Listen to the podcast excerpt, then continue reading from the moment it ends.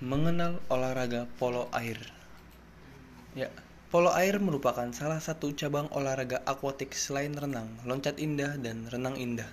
Polo air berada di bawah naungan induk organisasi olahraga renang dunia bernama Federation Internationale de Natation, disingkat FINA. Lantas apa itu polo air? Dilansir dari juara.net, polo air merupakan salah satu jenis olahraga perpaduan dari renang, bola basket, dan sepak bola. Sesuai dengan namanya, polo air adalah permainan bola yang dilakukan di dalam air dan dimainkan secara beregu. Olahraga polo air merupakan bola yang harus dioper ke teman satu tim dengan cara dilempar, mirip seperti bola basket.